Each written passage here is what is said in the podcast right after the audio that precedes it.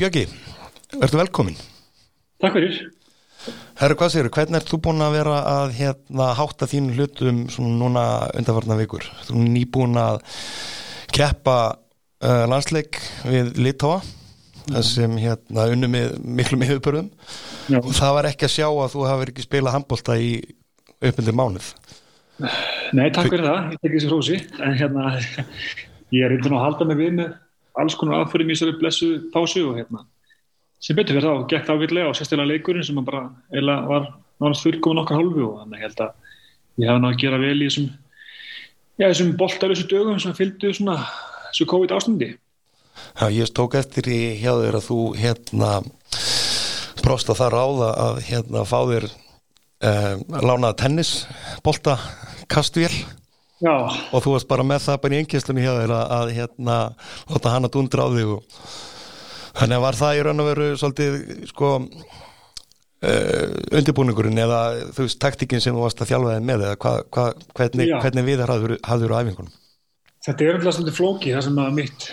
jobb sem handbóltamarkmaður er mjög svona grillað, fyrst og ennlega er það grillað að kasta sér bolta fyrir atvinni, það er kannski það sem er grillað en svo er það en ég þarf að vera þarf að vera sterkur, þarf að vera liður, þarf að vera hraður og svo þarf við líka að hafa þetta hand-eye coordination. Og það er nokkuð auðvelt um að halda, þú veist, inn í tíminu, heima, heimatíminu minu, snerpun og hraðarum og powerinu og sem hann, en það er öllu erfiðara þegar maður er ekki með bolta í höndunum og fær ekki liðsfélagir að skjóta á sig, þá er öllu erfiðara að halda þessu í coordination, þessu samhæfingu handa á augna eða fóta á augna. Og þá bráði bara það ráða, hérna, heyri ég inn í tennisvöldinni í Kóboi og fá lána tennisbolta í vélina, þegar hann slókja þeim líka sama tíma, þannig ég held að það hef verið mjög mikilvægt fyrir mig, þar sem ég hafi þetta eru skemmtilega æfingar og svona litið þennasbóltar í hafbólta, þannig hérna ég tók það á næsta level og, og var með þetta bæði inn í skúrnum og utan skúrin og, og hérna, svo fyrir að opnaði fyrir mjög mæði í salnum, þá tók ég með mér í salin þannig hérna, ég nota þess að við erum vilt og gallið og, og hérna, þá svo bóltinn handbóltinn sé aðeins starri, þá eigur þetta á svona einbindíkur og líka að hafa fókusun á eins litlu bólta, þannig að allt í lúkar stóri handbóltinn miklu starri þegar maður kemur svona öllin. Já, algjörlega. Þetta er svona það sem þú kannski líka verið svolítið hérna, maður sé svolítið hjá þér að þetta bíóhakka hugsa svolítið út fyrir bóksið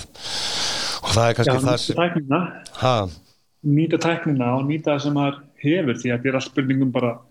hvernig maður gera besta hlutunum og hérna, nota tækna til þess að hámarka sjálf á sig og tæknin er ymitt, hvort sem það eru snjallúr eða hringir eða, eða hvað sem við er eða, hérna, eða tennisbóltið vil það var að nota tækna til þess að verða betri og hámarka sjálf á sig á á þessum tímum það sem er erfitt kannski að komast í, eins og segja, í handbalta þá var það bara að leita þar að leiða og ég er, er ákveldur í því að hugsa út af bóksi og kannski svolítið manískur og, og röglegar þegar það kemur og svona að reyna, reyna, reyna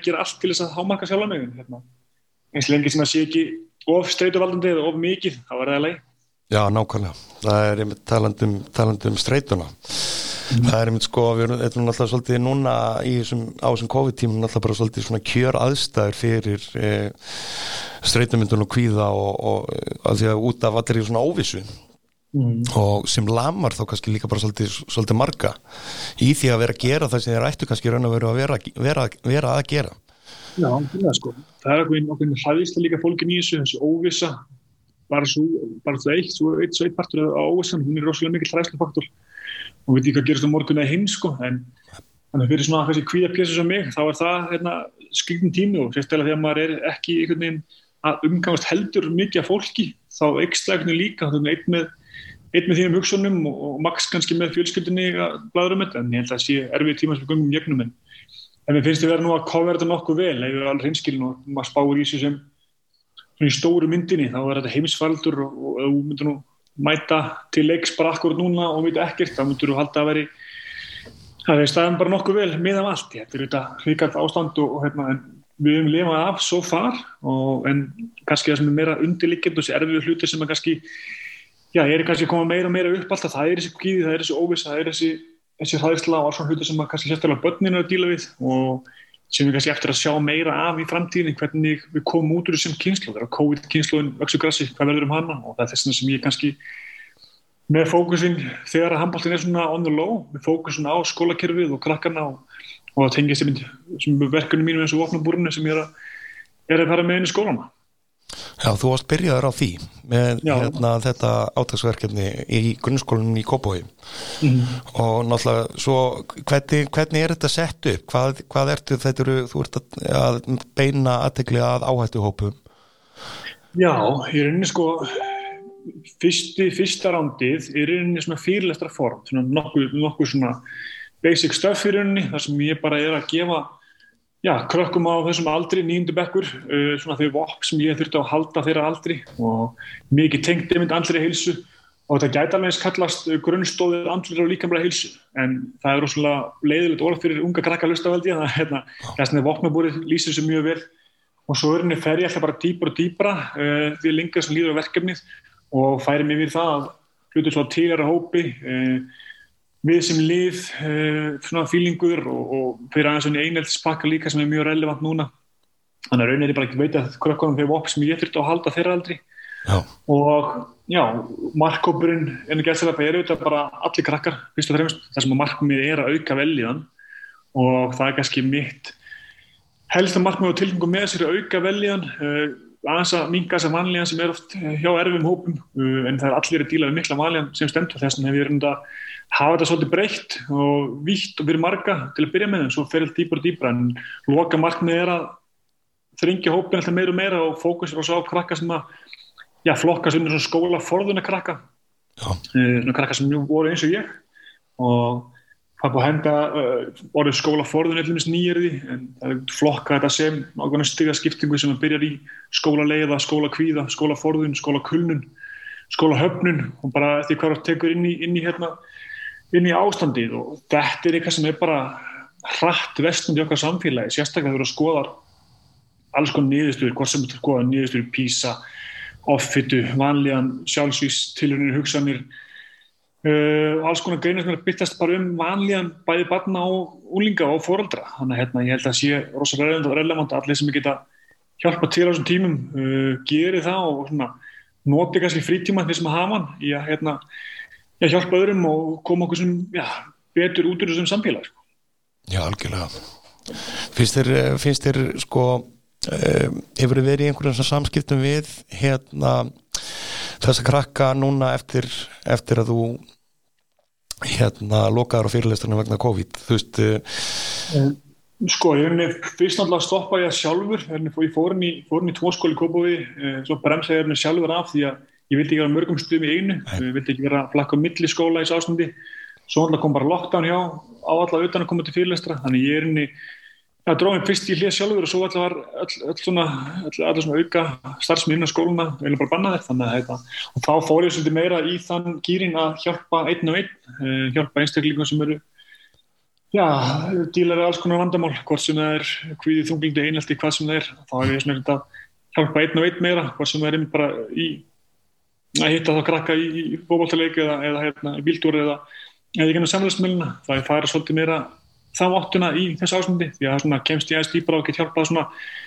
já, áþreifanlegra meira eh, og svo er einnig bara strax og opna aftur þá mun ég fara hans inn í, inn í skólan aftur eh, með þetta verkefni mitt. Og svo er einnig er það þannig tímar, það er rosalega erfitt að skipa sig hvað er þetta að gera kvinnun en, en bara svona reyna að já, þróa það svolítið með mér líka því að ég er þeir eru mikið fyrirspurnum og það er byrjaðurinn þessi áhuga á mínum málum eftir ég gaf bókinu mína. Þá er henni, ég vissi alltaf að vandamál að vera til staðar. Uh, maður alltaf heyrti maður svona tölur og, og leiðinda mál og svona en þegar maður opnaði sjálfur með sína vanlegan og sína æsku og sína fortíð og þá var einhvern veginn sprakkaði andlum og ég fekk 300-400 skilabóð af samfélagsmiðlunum og e-mailum uh, í kæla bókarna mínar og hef bara verið svona síðustu missir að vinna og þeim fyrirspilnum öllum og spurningum og svona þessari vanlega sem ég er að fá í hennar og áttum á því hvar ég passa eins sem púslinn í, inn í stóra myndina sko. Já, nákvæmlega.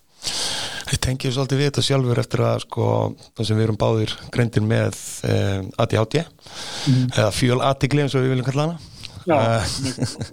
sem bara ákveðin guð, guðskjöf en náttúrulega fylgifiskur af, af þessari greiningu er einmitt eh, oft uh, kvíði sem að tengir alveg sjálfur við og einmitt þess að það sem þú hefur verið að gera inn í þessum skólum og það sem ég tengi við sjálfur eftir að hafa lenda þarna í smá einhelti sjálfur uh, því ég var yngri. Um, sko hvaða afleggingar einmitt þetta kemur til með að hafa á uh, sko sko á þess að maður kannski hafi gert sér grein fyrir því í raun og veru, hafi verið kannski hálf blindur á það hversu, hversu miklir afleðingar þetta kemur til með að hafa þegar framlega snundur þegar krakinni vaks og grassi mm. og ég menna, þú veist, eins og kannski þú lendir í og, og náttúrulega lístir sjálfur frá í kannski þinni bók mm. er í raun og veru um, bara byrtingamind kannski af því hvað verður mm. þú veist, það er þetta þrótt Algjörlega, og þú átt ekki alltaf á því, það er ekki fyrir að ferða að kafa týpla að ferða að grama þessu onni í fortíðinu og átt að betur, betur á því en stóra vandamann er því okkar. Oft þegar samfélagi þegar kemur að einstaklíkunum að við erum ekki alveg tilbúin að grafa svona djútt, við erum ekki alveg tilbúin að opna á drast sem að, sem að hérna. Nei, við fórumst frá því. Algjörlega, þannig að við þurfum að, að ég gera það með bókgeiminni þetta átt aldrei að verða bók, þetta átt aldrei að verða þetta var bara einhvern fyrst eitthvað svona vörðskjál sem ég þrjumað inn í einhverjum setningum og, og hérna, skrifa með burt frá vandamálunum á planum mitt, svona ja. aftur maður hvar hvert ég var komin og hvaðan kom þetta og, og spurðum bara basically akkur í akkur í akkur í miljónu sinnum sem endaði svo í 200 síðan vörðskjali sem maður fekk svo hér frá sjálf að tryggja til þess að svolítið greiða úr. Þannig hérna, það er ekki fyrir maður fyrir að kafa svona djúft að skoða sína fortíð að maður já, getur farið að svona, hjálpa til við líka að uh, hjálpa, öðrum því þú getur aldrei hjálpa öðrum lengur þú komin sjálfur. Þannig ég held að þess vegna get ég aðstóða til dæmis í einlindasmálum því ég hef upplifað bæðið einlindi og sem þólandi og gerandi. Og það sem situr alltaf mest í manni er það að vera gerandi og það skilja það í mörgum tilvökum er þólandin gerandi og gerandi þólandin á einhverjum tímpúti uh, því að þegar ég verð þólandi einlindis þá eina leiðin sem ég þekkti út af því var að snúma pinningum við og, og verða gerandi þannig til ég átt að misa á því að það eru aðra leið til og, og svo með, já, handbóltarnum það fekk ég svolítið út á svirir aðteglina sem ég þurfti á að halda. Þannig fekk ég með því vokk sem ég þurfti á að halda til þess að díla við sjálfa með því að gerumnir þurfum alveg eins mjög hjálp og þólundur þurfum að kemur til þessu einaldi þannig ég held að, held að svo sá vingil sem við verðum mikið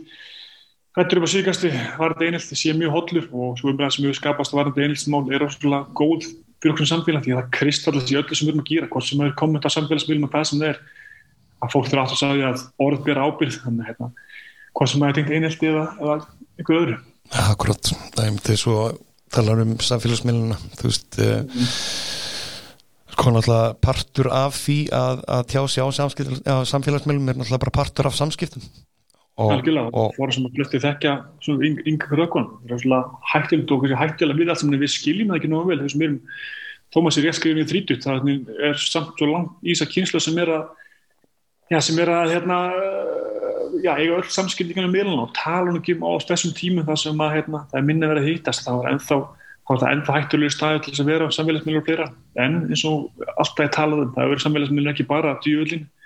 þeir eru líka hjálp og þeir eru líka eins og í mínu tilviki það er mér þess að krakkarnir leiða til mín. Og leiði mín til aðstöður gegnum þá. Og þess vegna hef ég aldrei ákveðað að stopnunni heimasíðu fyrir mín mál heldur. Hef ég haft nóg að gera og, fólk leitar yfir til mín á þessum miðlum. Þess að er, það er aðeins personulegra og hérna, þannig að þeir hafa kost og galla en það er hérna líka að gera fólk meðveitu um hvað sem þessum leir og hérna. Þannig held að við séum öll átt og græði meira meira og við þurfum kannski að uppgreita eins fullorna fólki og okkur sjálf í því að hérna átt að sá hversu hættulega heimur þetta er sérstaklega þessum tími sem við lifum núna. Já, er mynd uh, var ekki fyrir uh, löngu síðan að horfa á heimildamind sem heitir hérna Social Dilemma. Gleðið heimildamind hann er geggju sko. Það er nefnilega þá sér maður líka bara veist, hversu lítla stjórn já, svo vandamálið það er horfa svo mynd spáinn að síðu að það skringilega við það að þú eiginlega veist þetta allt. Þú er svona búin að heyri þetta allt einhvern veginn en þú leiðir þetta bara hjá þér. Þegar þú færið allt svona saman einni, einni heimildaminn þá ertu bara svona, sittur ertu bara svona shit, þetta er, þú veist þetta er útrúlega skringilur heimur og mælum alltaf horra sem mynd því að, því að hún átt að segja að það er átt að svo kannski á líka heimi úlingana og krakkana sem þau eru að díla við og hvernig þetta funkar allt saman og, og þetta er ákveðin fræðisla bara fyrir alla sem að held að allir ættum að ja, gera sér gefa sér tími í að horfa á kvöldin með þessna börnuna sínum sko. Já, þetta er sko, þetta fekk maður allan að verulega til að hugsa þetta bara alltaf því sko maður var bara sko, maður var ekki alveg sama sko, þú veist, einmitt, þú veist með við sko eins og Amnesty International, þú veist, talandum sæfélagsmiðluna sko náttúrulega bara skilgrenna þetta sem uh, sko Truman Show myndina hana á, á í raun og veru á styrum og sko í raun og veru sem bara alveg korrétt mm. vegna þess að sko við verðum bara varnalus mm. í raunveruleikunum þegar við erum búin að setja eitthvað opposite á samfélagsmiðluna mm. og náttúrulega bara skapa bara einhvað svona ákveðu svona imposter, imposter syndrom þar sem þú ert ekki að standa á bakveða þar sem þú ert að setja á, á meðluna þú veist og þetta er sko þetta er, þetta er streituvaldur og veist, þetta er kvíðavaldur Já, þetta er líka sem eitthvað sem samfélag hefur búið til, veist, við stjórnum svo, ef við höfum að spá því, hversu litlu við stjórnum á okkar hægundum, það er alveg galið. Þannig að pæli bara, við tökum bara tennist tvo samfélagsmiðlum, tökum Facebook og Twitter sem þenni. Þetta er mjög ólíki miðlar. Facebook er bara, þú veist, ef ég posta hérna badnamynd á Facebook, þá fæ ég mikla undirdektir. Ef ég posta badnamynd á Twitter, þá fæ ég engar undirdektir. Ef ég myndi eins og að posta ykkur svona grófu grín á Twitter, fengi ég mjög öllflega góður undirdektir. Þá held ég því áfram þá er ég alltaf í búin að setja upp tvær myndir að sjálfum mig, er alltaf eitthvað grófur grínar á Twitter, svo er ég ljúið fjölskyldu farin á Facebook sko. og þetta er eitthvað sem bara samfélagi kallað á og ég var bara fylgja eftir. Þannig að þá veist á einhverjum tímundu hætti ég að setja, barnamyndir inn á Twitter því ég fæ einhver undir. Þannig að þetta er allt sem samfélagi skapar. Þú stjórnar að vissu þetta svo lítið, lítið sjálfur og ég átti að þetta bara að skoða hlutunni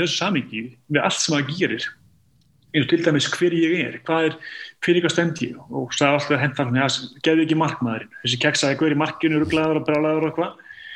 Og, og oft byrja, akkur er svona brjálaður? Og þá fæ ég oft svona að fá skot í hausin að þá bregst ég öðru í sig við. Ég bregst ég að skot í ansins við þá leggst ég ekki gólmið og kvartaði kveina eins og flesti gera og maður ætti ekki raunni, það var kannski alveg höfuð, höfuð, höfuð áverkar heldur stendið að mér og einhvern veginn fagna og öskraði þeirra dansa eins og einu stórmótunum og þetta, bara þetta fór ég að skoða, bara akkur ég ger ég þetta? Og það átti ég maður að þegar ég er yngri bara í fyrstu þungu skotun sem ég fæ í hausin þá stendi það að mér og öskar og hleypa eftir göðum og við það eitt þá fekk ég jákvæður undhættir þessi er eitthvað sérstaklega, það er þessi klikkar þetta er geggjast með það, það sko, fór ekki í jörðin á og þá alltaf er ég farin að mimikar þessi hefðu mín að gera þetta aftur og aftur og aftur út af því að já, ég bjóð til hana kartir af því að ég fekk þau viðbyrð sem ég, ég vildi þenn tíma. Þannig að þannig er komið út karta sem ég bara gerir mjög grein fyrir að vera orðin til og kannski stóra máli mitt tengt bókinu og að sem sem að annars verður hjartaljúa að leta fjölskylduföðurnum sem að hérna er heimafyrir og svo sem brjálaði að geða ekki handbaldamarkmanni að þarna voru bara tvær típur sem þurfti að halda loft sem voru mjög erfitt. Þannig ég ákveði að klippa mig og það var svolítið svona brjóta hennan karakter á baka aftur og búa til eitt heilsetta einstakling sem getur við bæði ástriðfullur og mjög sterkur og sterkur handbaldamæður en líka bara léttur og kátur og ljúi sko Já, fannst þér þetta skapa ákveðna svona streitu og ákveðin kvíða hjá þér svona einmitt uh, fyrir hvaða karakter þú varst í raun og verið búin að mynda út frá því að þú veist maður sá í landsleikjunum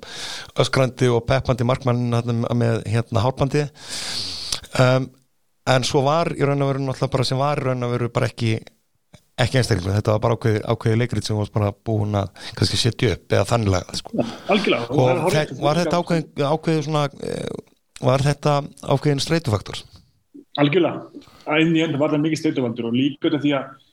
auðvitað er þetta hluti af íþjóttunum líka. Auðvitað hluti af image-inu mínu eh, síðan árið, eh, hluti af image-inu að vera svolítið ómeðgjandi þar sem að markminn í handbólta þurfum ofta að hafa ákveðin presens og þetta var ákveðin hættu við markmannin en það er hlutaði leiknum líka að, hérna, að svona þessum, þessum hugarleik líka. En rauninni geti alveg verið góð markmann, ég get alveg verið með stert pressins á þess að ég sé fíbl og fá þetta sko. og það gekk alveg það langt hjá mér að eins og bara með að skamma liðsfélaga og alla pakka sem ég bara var, þú veist, ég var á tímabili alveg óþólandi gæði sko og náðuð svolítið að já, verið að gera handballagaurin aðeins meira þólanlegan og svo er henni ákveðin tímbúti fyrir ykkurum árum síðan, þá er henni snýstað í það að ég fer að setja nefnir mín gildi og fyrir hvað stend ég og alla fylgja því einu öll þá komst ég bara því að það er með mikil að vera að góð mann, skilur góður í handbalta og ef ég lifi þannig lífinu þá get ég alveg góður í handbalta en það má ekki vera markminum eitt að verða bestur í heiminum og tilbúin að trafka öllum til þess að komast ákvæða heldur að fara heimlegina að hámarka sjálf mig, hámarka aðra. Þannig kemst ég lengra og það er sérstaklega mikil þegar við talum einstakling í hópið þá var það gali alltaf hérna, að fara þetta á nefnum og á einn gildu bara og alltaf hérna, í dörlum öðrum úr vegi sko. Sjá eftir þú talar um einmitt uh, gildinu þú veist, um, gildismat og bara ákveðinu gildum og sko, gildin alltaf merkja verðmæti raun og veru. Uh, no. settur upp í raun og veru bara ný markmið í raun sko út frá þessum, þessum gildismötum sem þú aður bara hafðir því í hjartanleginu Já, í rauninu markmið rosalega markmið drifin alltaf uh, til að byrja með og rosalega sérstaklega til handbóltanum það bara ég ætla að langtíu markmið og skamtíu markmið og bara með rosalega mikið markmiðum alltaf og tjekka alltaf bara út. Og markmiðin per se voru hann sem ég streytu aldrei. Því við fekk að þetta aldrei að njóta ferðalagsins og var það að horfa sem markmið og eitthvað. Það er ekki fyrir en ég breyti bara tek öll markmið út og bý bara til gild og tilgang sem eru beisli bara nýju markmið en set engan tímar að máða allt heldur bara það, seti nýra blað markmið og geða sér skildi mín og tilgangin og alltaf þegar ég ger eitthvað spyrja sjálf mig, er þetta að koma með meira, veist, er þetta gildið mitt? Er ég að gera þetta passar það við gildið mitt? Veist, það er það sem ég hef alltaf verið að gera på síkastýrunni, er að skoða gildið mitt eins og að vera minn, minn hefsta fyrirmynd minn hérna, hefsta tilgangur er að vera fyrirmynd vera góð fyrirmynd. Og þannig að ég þarf að í öllu sem ég gerir, þannig þarf ég að spyrja sjálf mig er ég fyrirmynd með þessu, er ég góð fyrirmynd með þessu? Í staðan fyrir að vera eitthvað að vera með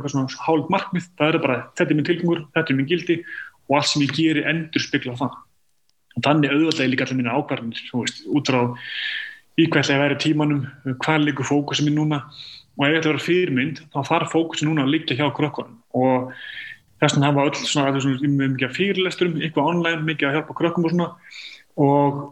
auðvelda leiðin að peningum og fjárháslega öryggi væri að fara uh, bara í fyrirtækina herja bara öll fyrirtæki og ná inn peningum í þessu ástandi. En það sem gildið mitt er gildin hefur verið góð með að vera fyrirmynd og hjálpa öðrum, þá er það fyrsta verkefni mitt er að fara í krakkana og hjálpa þeim. Og svo þegar ekki myndast eitthvað rými þá getur fara að sjá meirum fyrirtekinu og lagt meiri fókus á það og að ná einn tekir en þannig að ég þarf að elda gildi mín og tilkynni öll sem ég gerir og það er eitthvað sem ég hef gert rosalega vel síðustu misseri. Og finn bara að það er einnig getur komið mér líka lengur og mér líður betur þannig að það hjálpa mér að díla við alls konar vandamar sjálfur að predika hluti sem að já, ég er, að segja vara að það hjálpa mér líka að halda mér. Já, nákvæmlega. Ég er svolítið tengið svolítið vita, maður er svolítið samanlega í þessu og er svolítið verið að pæla í svona, svona í sendið, þessum markmiðin sem voru að sko, alltaf talað um að, að markmiðin séu náttúrulega bara drivkraftur eða sem sagt bara eldurvjörn í opni afreikarna afreikarna, en sko það er myndið eins og þú ert að segja þetta. Þetta er svo, svo kristarklýrt að sko kristalklýrt að sko segja bara sem svo að þú hefur ákveð, ákveðna stefnu ákveði gildismat mm. og það eru í raun og veru bara markmiðin mm. það eru bara markmiðin þannig að þú ert að einfalda rosalega hlutina sko. algjörlega, það einfalda sérstæðilega fyrir okkur sem erum, þú veist, einhvern veginn svona ATHD fólk og sem er, þú veist mér breyti markmiðum okkur minnast deynast, sko, markmið dagsins og svona, svona, svona, svona. þetta var mjög streytuvaldur sko. að meðan að sömur þurfa miklu meira markmiðum að halda sem er kannski þú veist svona sé, ekki aðti hátu típunar að þurfa svona drivkall þess að aðeins að keira svo áfram en ég þarf aldrei orkunum til þess að keira maður ég þarf frekar uh, að einfalda líf mitt og þá er það stór hlut að ég að vera með gildin bara hát og lofti. Og mér finnst það ekki bara vanta almennt séð þú veist eins og talandum skólakerfi og talandum veljan ég var labbarni, ég labbarni rosa mikið samtökum síðust ár og, og fyrirtæki og alls konar og alltaf poppar upp orðin veljan og bara veist, velja nummer eitt og velja hann, velja hann, velja hann, velja hann. Og spyr maður aðeins að því bara hvað er það að gera til þess að auka velja hann og þá kemur aldrei neitt. Þannig að mjög sjaldan. Og hérna, taldu um skólakerfið, alltaf velja hann bara er maður að velja hann nummer eitt eða, eða skólar, sé skólar eða skólakerfið hvernig það er, þá spyr maður hversu mingil partur af skólakerfinu hversu mingil prósent af þessum við erum að gera í skólanars er veljiðan og aukandi? Og það eru bara ekki að skila því, við erum ekki að uh, já, predikar það inn í skólakernina, hvað sem er, það erum við ekki að leggja eins mjög áherslu á veljiðan eins og við erum að ætlum að gera. Hvernig það? Gildi og svona dót sem að eru gagslaus ef að þeim er ekki framfyllt og það er sett í réttan búning. Það er bara eins og með það sem þetta gera, það er ekki nóg að segja að það er líka að gera það sko. Nei, það er sko að má margt bæta, en hvernig, hvernig væri hægt að, að í raun og veru koma inn með meiri veljiðun emitt inn í skólakerfið? Það er þessi meðvitund, það er svona mitt hlutverk núna að byrja smátt og smátt að vinna í hlutum eins og öndun eða meðvitund um allt sem við erum að gera og svona öndunarminstri okkar og þegar basicið er bara auka veljan, er bara að vinna í andlu heilsunni og veist, hversu relevant er það fyrir alla að vinna í sjálfum sér andli heilsu og hversu öll verður það að koma því inn í skólakerfi eða enn í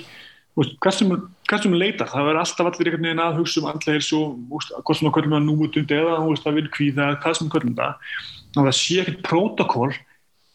er svolítið galið. Já, einmitt eitt yfir alla. Já, eitt yfir alla, alla grunn, grunnur að einhver því að veist, ekki alltaf bara að fara að vinna í sjálfsveit þegar það er komin á botninu eða komin einhver vesen sko. bara að búið til að meðvind um, um hlutuna og ég er svona að gera það í ofnabúrunu og sem bara eins til sem ég er hjálpa.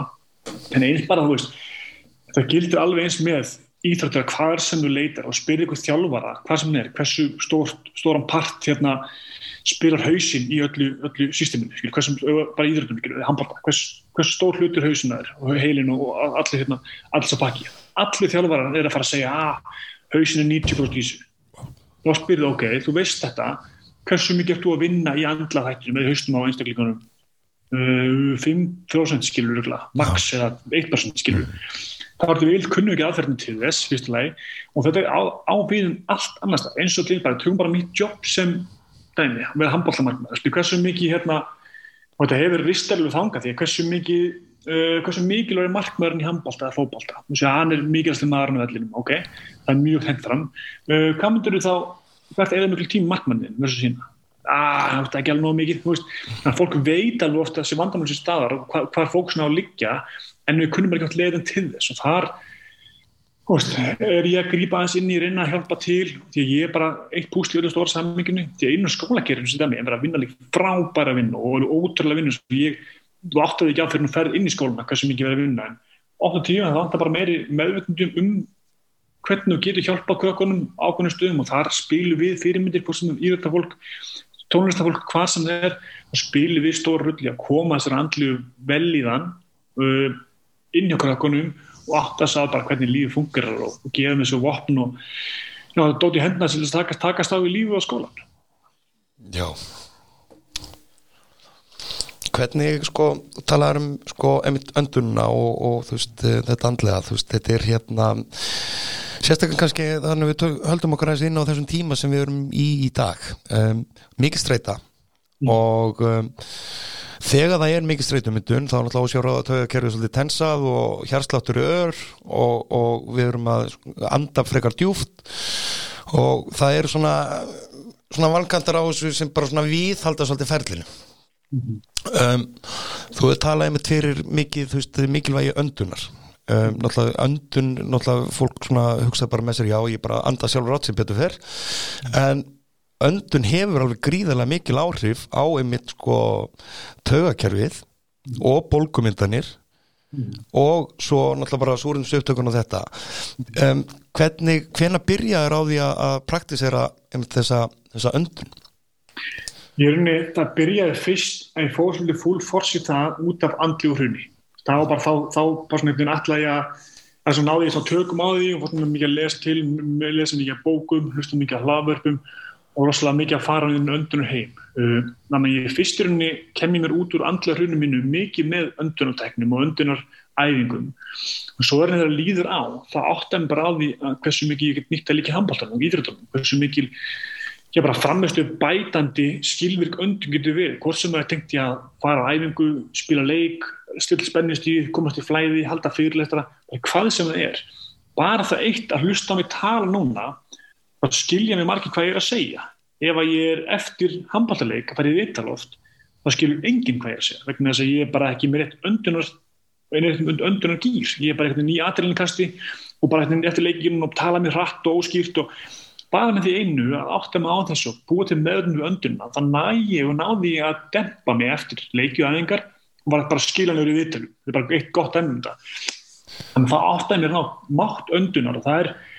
ekki bara Wim Hof, Wim Hof var ákveðin kveikið fyrir mig líka þess að hann síndi fram að mátt önduna með ákveðin aðferðum, en svo fór ég bara að kafa dýpar á, fyrir að ná mér í önduna gráður uh, oxygen advantage og buteyko gráður svona, og fyrir að svona bara kafa dýpar og dýpar og dýpar, þá bara átti maður hversu stór heimur það er sem erum ekki átt og gráð við gerum okkur grein fyrir að öndunum mikilvæg en ekki hversu mikilvæg, hversu mikil áhrif þú getur haft á bara andla líkamlega líðan með öndun. Og sérstaklega bara því að þetta er svo auðvilt tæki, þetta er svo auðvilt tól til þess að aðstofa með og ég get hjálpað þú veist stekst að mann í heiminu og ömmuminni bara með öndur sko. það er svo breytt spektrum með að hvað svo get vel því að við erum snýst um það bæði að hámarka sig, að keira sig upp eins og ná sér niður, kunna það að slaka á á þess að vita, á þess að kannski fara ykkur huglegslu æfingu eða núvitundi eða þetta er orð bara sem huglegslu núvitundi fólk sem að fólk bara hrætti þessu orð það skilur bara ekki veist, hvað það þýðir og, og veist, hvað núvitundi er oft sko. þannig að oft er það bara að vera meðnvitar um öndunna ja? hún er að vera hrjöð, hún er að vera mikil það eitt getur já, komið á góðan status að díla bara allt í kringu því Já, það er einmitt sko ég hef einmitt notað þetta aðeins, aðeins sjálfur notað sko svona svo kallega kassaöndun mm -hmm. uh, í svona kannski aðstæðum ef maður hefur kannski verið í einhverstað lendi aðstæðum sem eru spennuþrungnar og, og maður finnur að púlsinu er að fara svolítið upp og hún er að grinnast hjá mann öndunin Mm -hmm. og ég hef tekið og bíóhakkað aðeins með mig sko, þú veist, við erum með sko, við erum með súrum smettunamælin á mér hérna yfir nokkur klukkstundur á dag og við erum svona að fylgja, fylgjast með þessu að um,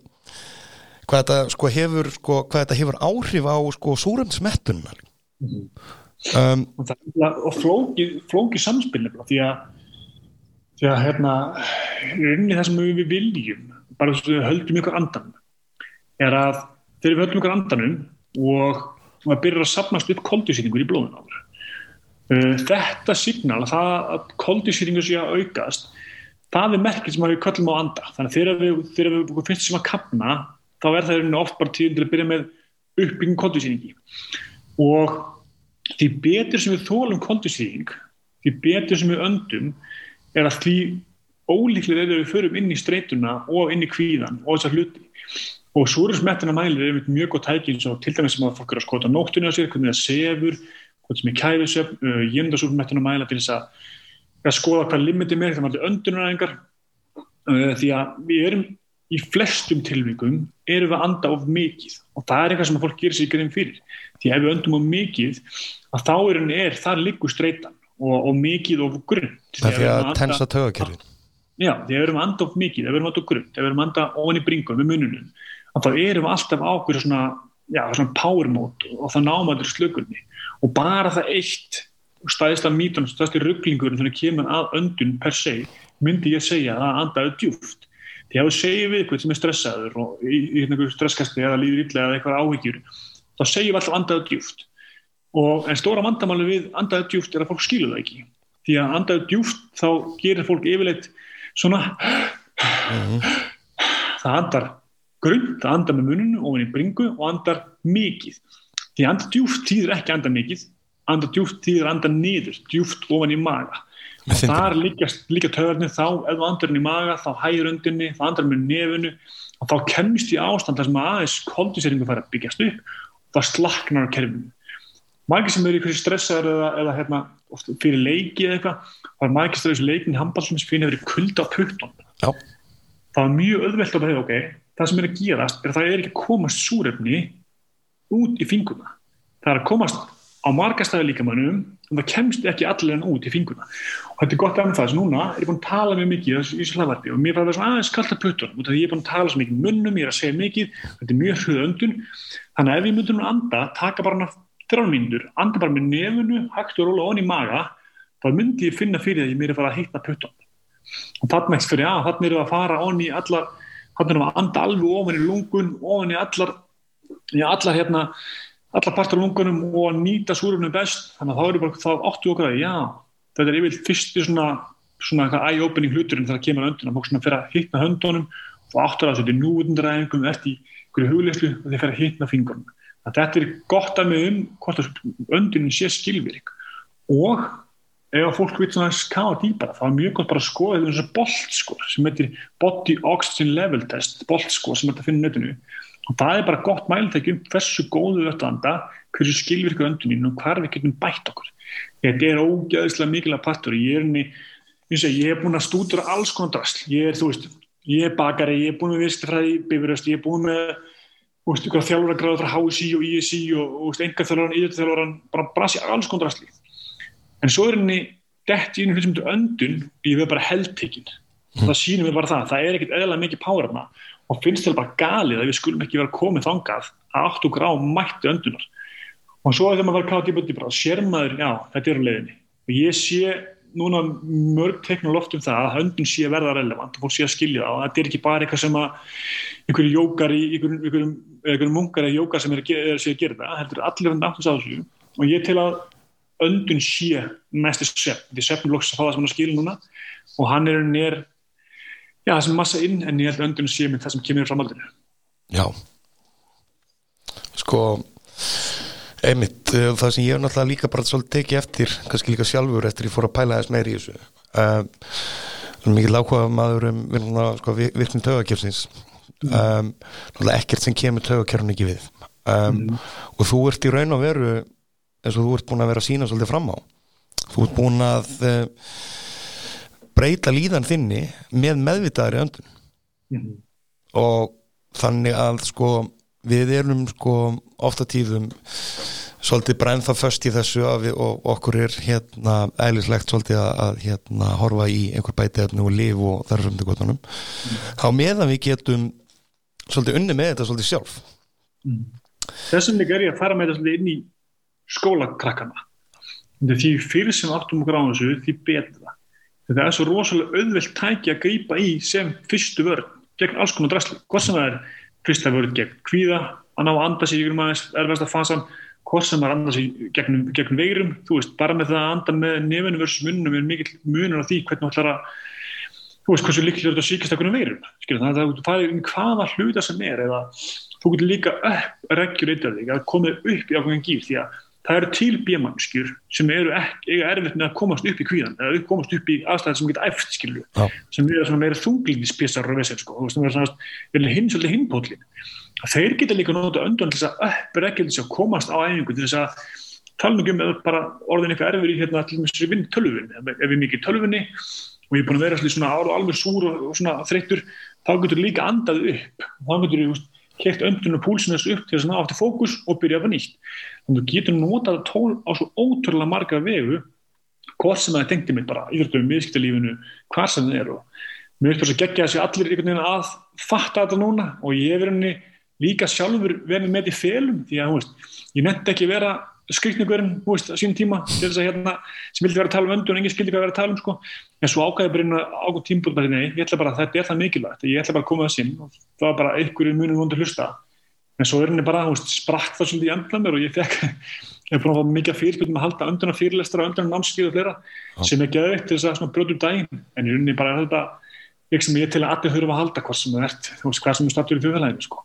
að að. Og þú hefur verið að vinna eitthvað aðeins með hérna Svo á kuldaþjálfunum þá líka? Uh, Já, á, ég er inn í á Ég er með hérna út af kallið mitt ég er með rosalega góða aðstöðu og sem er rosalega hendugt þess að núna er hérna þetta ástand þannig ég get eftir bílskundum og svo er ég með sánu og, og hérna pott og svo kuldakæðut í út á palli. Ja. og það er hann í hóst. Og það er svona Vim Hoff það fyrir líka, þessu kuldinu það alls saman. Það svona, og ég held að kuldin sé ótrúlega vannmetinn og ótrúlega miskil því að stóra vandamálið, kostið við kvöldan og farin í íspað eru gigantískir, þú getur bara, að googla það fyrir sjáðu um miljón hluti sem það hjálpaði með hvað sem er að minga bólkur, það er hvað sem það er. Það er allt tengt kvöldanum sem að skila mjög langt, en þess að fólk er svolítið grein fyrir því, er að eins og með þessum allt, þá er kvöldin streyta ef við ætlum að prófa íspaðið í viku og gefast upp, þá var það bara streytuvaldur við fengum aldrei að njóta benefits, við fengum aldrei að komast á það stað þar sem verðum í íspæðið það hægir það púlisinu og þú kemst bara í slökun. Það tekur tíma að komast ánga því að í byrjun öllu nýju sem það gerir, öllu erfinu sem það gerir það fylgir í streyta en ef þú masterar það og gera það vel og veist hvað það gera, hvað sem það er íspæð hvað sem það er, það kemur tímhóttur þar sem það hætti að vera streyta og verður streytu, verður streytu mingandi eins og byrjum mér í dag þú tekir það hvar sem er. Þú drefir það niður eins og til bara til dölum um uh, mataræði. Ef þú breyta mataræðinu til þess betra, þá kemur alveg fasa sem er erfitt og svo verður það geggjað. Ef það verður keto þá verður það erfitt, þú fær ketoflúð þá verður ógislega erfitt og svo verður það geggjað. Minka sigurinn það er allir hlutur, bara það að æfa fara hefur, að lifta mjög lengi, að mæta tíma mjög lengi. Það eru fyrstu vikunar ógislega erfitt, það er bara streyta það eru haspurur og vesen en ef þú hættir þá, þá færðu ekki benefitsin en ef þú heldur áfram og vinnur í það áfram stanslöst, þá verður æfingin bara það best sem þú gerir. Það verður streytur losandi. Þannig að við í þessu samengi með streytu þá verður þú átt okkur í hvað er streyta og hvinna minkar hún og hvað er hún að gera fyrir mig? Því að það er ekki að sama streyta fyrir mér og gaurinu hliðin Nei, svo er þetta líka, þú veist, uh, hvað er hérna eðlileg streyta og hvað er svo sjúkleg streyta sko. Já, og hvernig, hvernig dílu við það? Því að streyta er líka veist, þú getur annað hvort losa við streytuna ef að ég segi bara síminn sem streytuvaldur ok, ætlum ég að minka síman en ef að þetta er streytuvaldur sem þú getur ekki losaði við nú er ég þrjú börn, bara fjögur ég munir ekki að losa með börnum mín þá þarf ég að vera betri í að díla við streytuna þá verður ég betri að díla við allt sem fylgir þessu og þar kemur öndunin til dæmis inn. Þannig að við þurfum líka átt hvað er streytuvaldur, hvað getur við að losa okkur við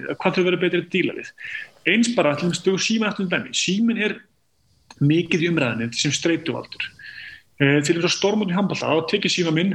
og ég er í hann bara 2-3 tíma á dag yfirlega á kvöldin, bara svona með hana eftir kvöldmótum og stormótum þá fer ég síma minn og er svona kannski 2 tíma á dag, maxi síman uh, eða í tölvunni. Það sem að gera verkum er að það verður streytu minkandi en ef ég myndi segja við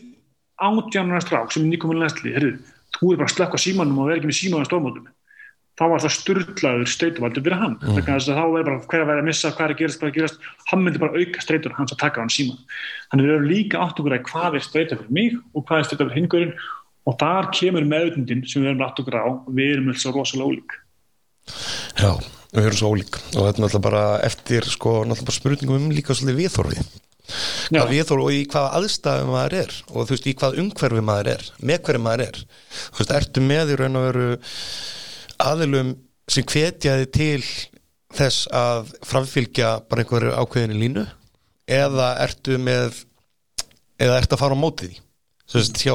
ertu með hóp þar sem þú ert með þar sem þú ert að fara gegn og það er náttúrulega miklu meiri streytuvaldur, sjúklegri streytuvaldur mm. þannig að sko þannig að ennvójumentið hefur svolítið með að gera sko hvernig manni gengur, geng, gengur til. Algjörlega og þetta er alveg sem við talum bara vera með þjálfara, vera í hópa eitthvað það ítir allt undir því heilin heilin ennir að gera þetta erfitt. Heilin okkar ekkert að gera þetta eins og í kótinu, það er svo auðvitað slepp bara æfingunni. Og þú fer bara að ljúa sjálfur að ég get var mókunni, það er ekki að gera þetta, það er bara einn dagur. Er rauninni það sem að gerist eins og segi þess að eins og hlifin að, þú veist, þó sé ég þessu komin langt í mínu sporti, að það verður með þjálfara, það hjálpa einhvern sem að sparka raskataðanir, það hjálpar öllum. Hvað sem þú veist þetta allt og hvað sem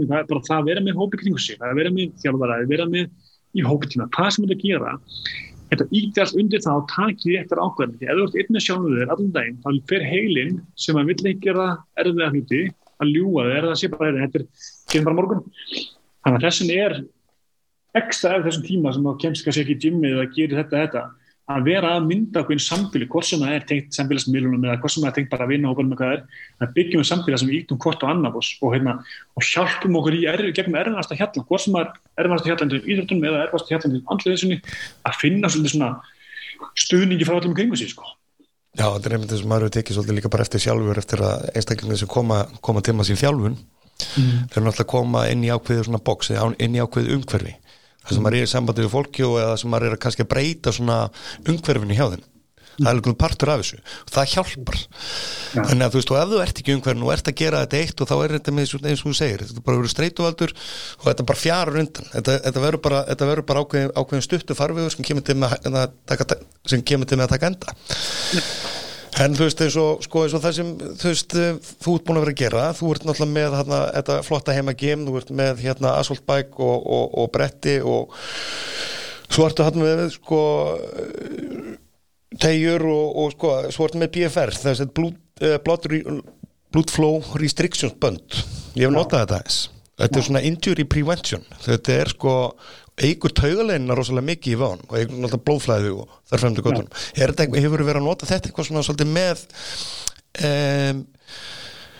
hefur verið að nota þetta eitthvað með eh, sagt, eh, með öndrunatæknin eða? Já, sko, rauninni BFR, böndum mín, eða Blood Flow Restriction Training það er rauninni,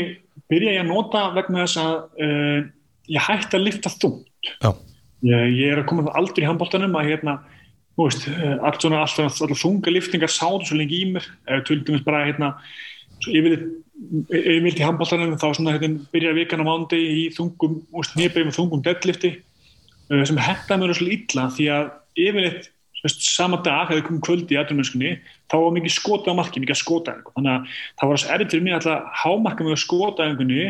með strengi fótunum, með þungunni fótunum mm. og fara að splitta einhvern veginn onni strengina. Mm -hmm. Þannig ég er niður ákveðin tímúti, teki út tungaliftingar, liftir ósað mikið með bara svona léttara lóðsleis, hérstæðilega neðri búk og notaður henni BFR böndin til þess að já, gefa mér svona búst við liftingum mm. um, ég er í staði fyrir þetta þunga því ég vart að leggja svo mikið álag á kerfið, á nýjen á olbú, all, alla pakkan þess að leggja þingd á það BFR er mjög falleg saga bak við þessi, þessi æfingar hérna, þessi æfingar að fræði því hún er rosalega, rosalega guðmur þetta er ristur í lofni sko gæja sem að velja var Japan sem að þannig byrjaða, hann var ekki satt í líkur munkaklaustri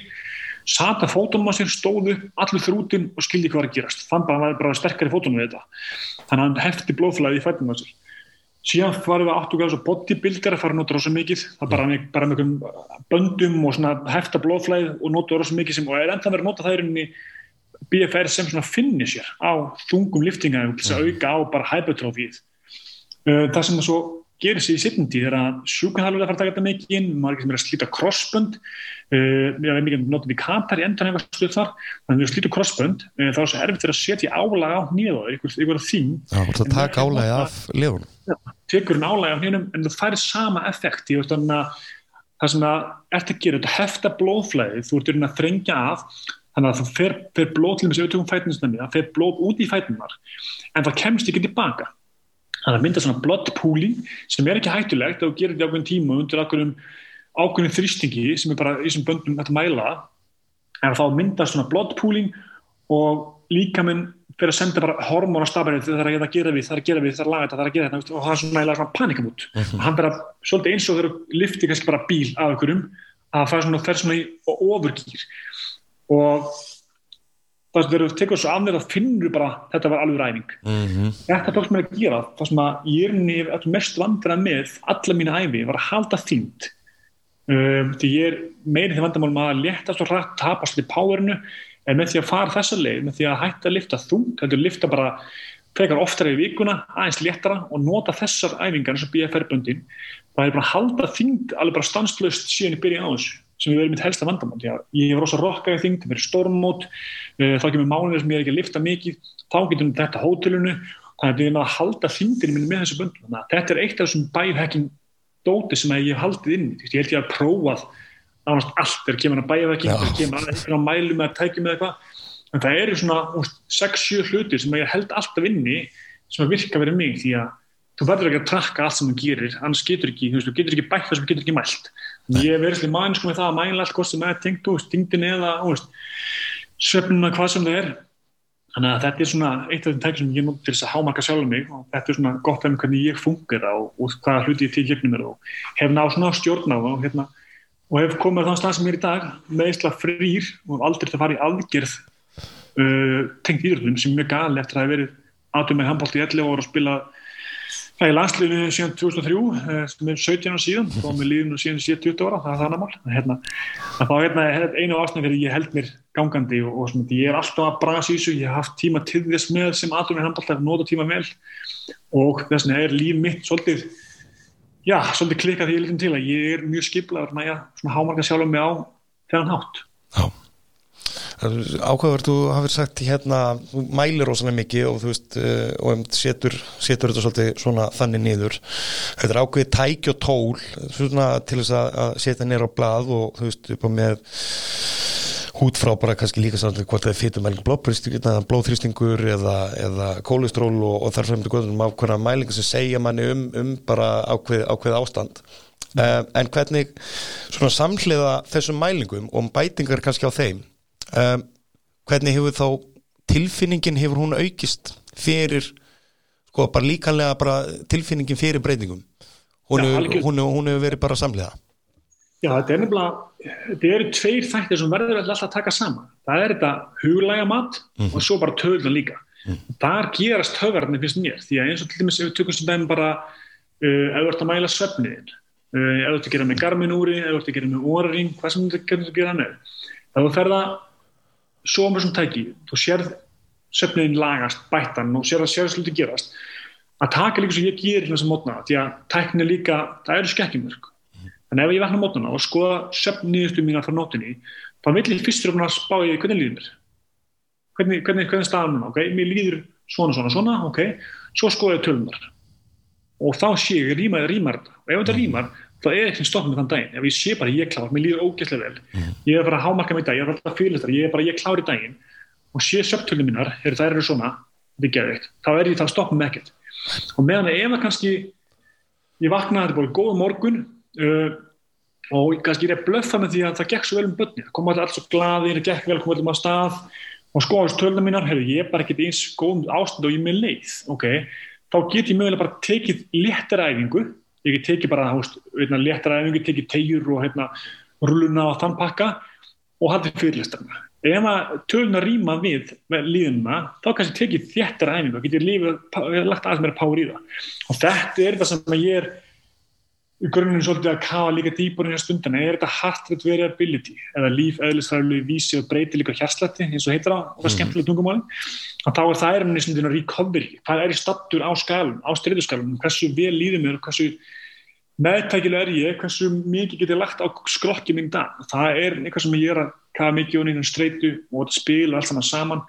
Og því að eins og með alltaf ná, þá geta tækin líka verið streitu valdur, að vera alltaf að gröita sér í þessu og kunni ekki að stoppa eða staðið sem ég var líka á og puttu svona áttum á að ég þarf að komast líka þaðan til þess að geta nota tæknina og tólun og tækni til þess að hjálpa mér Já, þegar maður kannski svona all inn í hlutunum eins og við hefum kannski verið að hérna tekum maður bara svona ákveðin tímabil og, og hérna fer bara all in svolítið í hlutina en kannski Já. fyrir kannski fyrir kannski svona, svona non-ADHD ADHD, hérna einstaklinga sko, þá er þetta kannski ekki neitt kannski neitt að hérna eftirsóknar verðast það kannski Nei. en þú veist, en, en sko þetta er bara tölur og, og sumir sko hafið þennan svolítið svona þennan heilsu kvíða skilur, mm. uh, og kannski vil ekki horfast í augu við það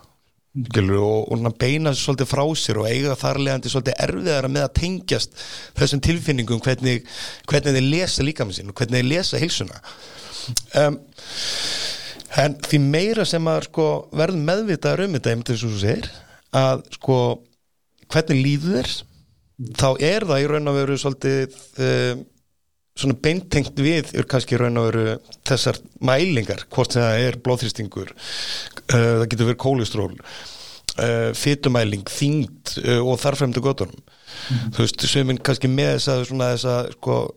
þessa klísju ég er með fytuna í dag, skilur þú veist, einhver kannski bjúmyndun og þarfremdu gotunum kannski búin að vera að borða einhvað óskynsilega einhver helgina eða eitthvað svo leiðis þú veist, þá er, þá ertu komin í í þetta ástand sem hefur meiri, sko, meiri en bara áhrif á það hvernig þið líður. Veist, mm. þetta hefur áhrif á tögakerfið þar leðandi hefur þetta áhrif á öndununa þar leðandi hefur þetta áhrif á blóðþristingin mm. og súrinsmettununa, súrinsupptökuna allt, þú veist, þannig að þú veist, maður er svona maður er alltaf að reyna að koma svona kannski líka fólk kannski meir og meir í skilning um að þetta sko þetta er svo opbáslega viðamikið. Og því meira sem hún pælir í þessum hlutum því betur meðvitaður verðuru og þá getur þau kontrólað hlutinu svolítið bara betur út frá öllum kvöntum að mínum að sko. Algjörlega, þetta er ekki spurning um hvað að gera einu sko, þetta hvað að gera alltaf. Já, já, it's your habits. Það er alltaf læg, það er hluti af því að klúra ykkur, sko, hvort sem er mataræðin eða æfingu dagsins og hvað sem er. Það er einhver máli ef að, þú veist, on the long run, að fara rétt átt. Það þar komum við aftur inn í gildin hvert er ég að stefna með þessu alls saman. Mm. Þess vegna er erfitt, finnst mér með markmæðsetninga. Það er svo auðvitað að skemma markmæðsitt með eitthvað svona klúri, einu klúri. En ef að gildin þetta að gera þetta, ég ætla að vera svona, þá er mjög erfiðar fyrir mig að klúra því, sko. Markmæð og gildi er eitthvað sem er mjög einhverjum spundið, hvað, hvað er dreifkvæði hvers og eins rauninni þurfi bara í rauninni staðisti, staðisti uh, mestu töfverðarnir þeir gerast í meðvutundinni á þess að hvernig hlutinni funkara hjá mér og hvað er gott og slemt fyrir mig og hvernig vinn ég úr því. Ef ég ætla að segja bara að ég missi við matræðin ef ég tek einna hérna pítsu eitt kvöldið eitthvað og mér líður og eitthvað ég segir nei, herru, ég ætla að nota núna þetta fjúel sem ég fekk á pítsunni ég taka bara þetta liftingum í fyrirmálið mm -hmm. og þetta nota, þú er í snúið öllu svona við og í staðin fyrir að líta sem neikvægt, ok, ég er alveg að koma með smá kolvetni og smá hérna klíkningiforða sem ég bara get nota bara morgun og teg bara ekki vera þetta nýðbæði mm -hmm. þannig að við erum að búa til meðunduna ekki sökk okkur onni eitthvað refsikerfi sem við erum fægt fyrir Nei. og bara meðundun er svo stóð partur af öllu sem við erum að gangi gegnum Nákvæmlega Hvað er svona frammyndan hjá þér núna næstu vikunar? Herru, ég er bara vonandi að fara að byrja að handbólta aftur fyrir að hérna, ef þetta heldur áfram sem horfir ég verið með þetta bara úst, á góðum staðunum að COVID-lega séð og að sjá hversu öflug við erum að hafa ná að koma allar hingað sem við erum í dag. Um, en svo er þetta bara þá veist tekur það bara við svona eðlilega líf sem að ég er að lifa sem er svolítið bara að byrja daginn heima, koma öllum, öllum að stað, uh, hámaka sjálfum í gymminu, hvað sem er, í til, svona til kláðan tíu og þá fer ég meira að spá í öðrum, þá fer ég að spá í að komast inn í skóluna, hatta fyrirlestra, hjálpa öðrum í kringum mig, hámaka sjálfum sig, uh, síðan setnipartin er einhvern veginn, tökur fjölskyldna við, þannig að úr skóla og leikskóla í smá tíma áðurinn fyrir svo handbóltæðinu því að veist, það er svolítið hitt lífið mitt. Það setjast svolítið á mig svona ofurhýttu skikkuna og það er verið handbóltakall í nokkru klubbutíma það verður ekki hans heima á kvöldin. Þannig að lífið mitt er svolítið svona, svona skiptist niður eftir klukkutímanum en ég reynir svona að hafa alltaf tíma fyrir sjálf á mig líka mótnana og hef komið í mín lífi þannig fyrir að ég geti það því það hluta mínu starfa að vera í góða formi og halda mér í standi líkum landlega til þess að geta hámarka aða, til þess að geta hámarka liðið mitt og til þess að geta haldið þessu ég er að gera núna í ykkur ára viðbútt. Já, þannig að þú ert að horfa alveg á nokkur ári viðbútt á, á þínu ferli. Já, ég, ég held að þetta er bara spurningum, ég, ég held í alveg ég geti spilað í tíu ára viðbútt á þessu leveli, en svo bara spurningin enni ég því, verður þetta ennþá gaman tíu ár? Og einn staðin núna er bara þetta skemmt sem ég ger og þetta er stór partur að sjálfur mér að vera handballtamaður það er stór partur af fjölskyldunni að hérna, fylgum mér stóttum mín sjögur að þekkir ekkert annað heldur en pappinu sem handballtamaður og, og koma með mér í viðtöl eða, eða hérna, koma hlöpunum öllin eftir leiki og nú eru heimböndun að koma þann aldur að þau geta að fara að koma líka inn á öllin eftir leiki og vera hluti af því samfélagi uh, ann aðrir hérna, börn leikmanna. Þannig að þetta er, þetta er ekki bara leikur, þetta er ekki bara handbólti handbólti fyrir mér er líka það sem að bjargaði lífið mínu, handbóltin er það sem að ég er að gefa áfram hvað sem er í janúar, í þunglindinu, í skamdeginu að gleða þjóðuna eða bara að vera relevant fyrir krakkana að þessi þekktur einstaklingur hjálpa mér inn að geta tala við krakkana og þau hlusta á mig. Þannig ég held að mér er að spila handbáttist lengi og ég nefni því, ég lengi það gaman. Og, en ég er ekki trættuð það að þó sem ég hætti eftir hætti handbátt eftir eitt ár myndi ég ekkert þá myndi ég ekkert að flæðast í starta, ég myndi að hafa nóg að gera og, og, heitna, og ekki sjálfsmyndar krísu náttum að því að ég, heitna, ég er meirinn bara handbáttamæður en ég held að hann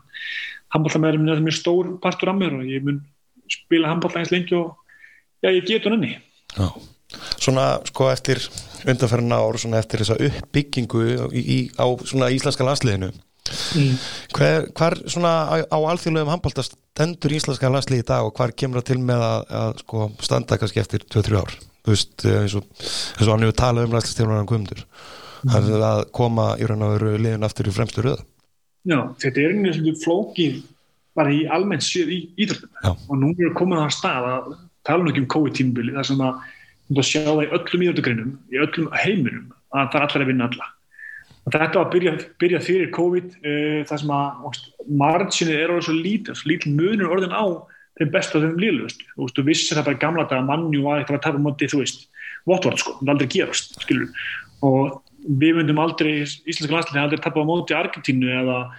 eða Brasíli aldrei átt séns í Frakland í, þú veist, í handbólta þetta er alltaf breytast, við erum orðin svo bróð sem mannverður einhvern veginn og sem íþjóttafólk, þannig að margsinu og muninu er svo rosa lítill. Þannig að við erum komin að stað einhvern veginn erum orðin rosalega jafngóð það er allir komin að svipa á stað þegar kemur að handbólta í landsliðinu hvað sem er, við tapað unni fyrir öllum. Að við erum að gera rosa vel núna sem er ána með að við gáum ungum leikmennum mikið sjens við nú komum við rosa breiðan hóp. Og það er það sem að telur eins og að stórmótum eða á mjög langur því að nú erum við að hellast á lestunum það er mikið að meðslum, sérstaklega svona COVID-tímum. Þannig að það er svona að vera að reyna virkilega á breyttina og þar komum við að berja ljós í síðustu leikjum okkar um til Litáin Litáin er hörkuð þjóð og þjóð sem hefur verið í miklum eitthvað góðum úslutum, en þeir eru bara með marga leikmenn, þannig að ef þeir deliveri ekki fyrstu sjöleikmennu þeirra, að þá er þeirri vandra við erum með, með svo mikið af góðum leikmenn mikið af ungum góðum leikmennum og það kemur henni bara ljós á næstu 2-3 árum hvert þetta er skilað okkur þessu vinna sem að já, læslega þjóðverðin og allt sambandið og, og, hérna, og við sem handlað þjóð hefur verið að fara síðustu missir, því að þetta er orðið mjög áhugavert og var þetta draumur ekkert að fara, á, fara að spila á stórmáti í janúar og, hérna, og skoða aðeins hvað við stattir akkurat núna. En ég held að markmið sé alltaf að vera í topp 10 og það að vera já, með þannig lið held ég sé líka bara hvað sem er í handbólta, fókbólta, körfbólta, hvað sem er að vera með lið sem að fólk minnir að horfa á og vera gleði okkur, það verður alveg gull á, á þessum tímum, hvað sem er COVID-tímum eða bara í, í skamdeginu í januar Já, algjörlega, framtíðinu björnt Já, Herru, einn spurning á lokum Já. Hver er svona þín helsta fyrirmynd? Herru, ég held ég hef átt cirka svona 40 fyrirmyndir markvist í gennum tíðina og það er, veist, ég nefndir um manni og áðan þá hérna, er ég mikill mannstætti maður og það voru rosa mikið af svona fókbóltafyrirmyndir í gáðan dag, þó að var ekki ekki hverju tæknanlega síðan, þetta meira svona bara típunar, veist, ég var rosa mikil eldvík, kannski að bekka með svo margir aðrir um, og ég tók svolítið svona eiginleika frá öllum uh, mínum fyrirmyndir, veist, ég horfði alveg mannstilið og pikkaði út svona einstaklinga, svo ég ætla að vera að leita um Jós Mækkel, ég ætla að vera svolítið klikkað eins og Rói Kín, ég ætla að vera með Rókanas Cantona og ég ætla að vera töffu bekkan þetta byrjaði alveg svona, var svona náður svona í einhverju svona uh, mörgum fyrirmyndum. En sem er henni handbaltamæður var Tómas Svensson alltaf minn uppáhaldsmarkmaður af þetta hærið hæð og henni nálaðinni fekk svo upplifa hann uh, sínum tíma í markmannsskóla sem ungur, ungur markmaður er núna með þessi markmannstjálfur landsliðinu, en hann var svona markmannsfyrirmyndum mín. En ég held ég að áttu rosalega marga fyrirmyndir á rosalega mismunni síðan Kári Stefán sem er einum stærst fyrirmyndum í dag á allt öðru level heldur en handbóltaleveli mm -hmm. þannig að veist, það eru alls konar fyrirmynd sem ég pikk út í þjóðfélaginu. Uh, þannig að ég held að ég held ég eigi enga stóra, stærstu fyrirmynd í dag heldur ég enda að leita að fyrirmyndum út um allt og er að nota þessa einstaklinga sem ég kannski umkringi sérstaklega þessu íslendinga til þess að læra og svona, fá þau element sem ég vil, vill í mitt líf því að Mm -hmm. in the end er ég bara alltaf hámarka sjálf með að verða betur og betri og þá er ekki einn fyrirmynd sem að ég geti einhvern veginn pinpointað en við segjum, ég er búin að nefna núna átt á, ég geti haldið það með klukkutíma Já, ég er bara svolítið þarna með þér sko Já, það þarf að ná að, að finna það sem að tengi við Já. og veginn, þannig ég, heitna, ég held að sé það sem þetta gera hverju sinni sko. Já, Herra Björgi Takk kærlega fyrir. Takk fyrir mig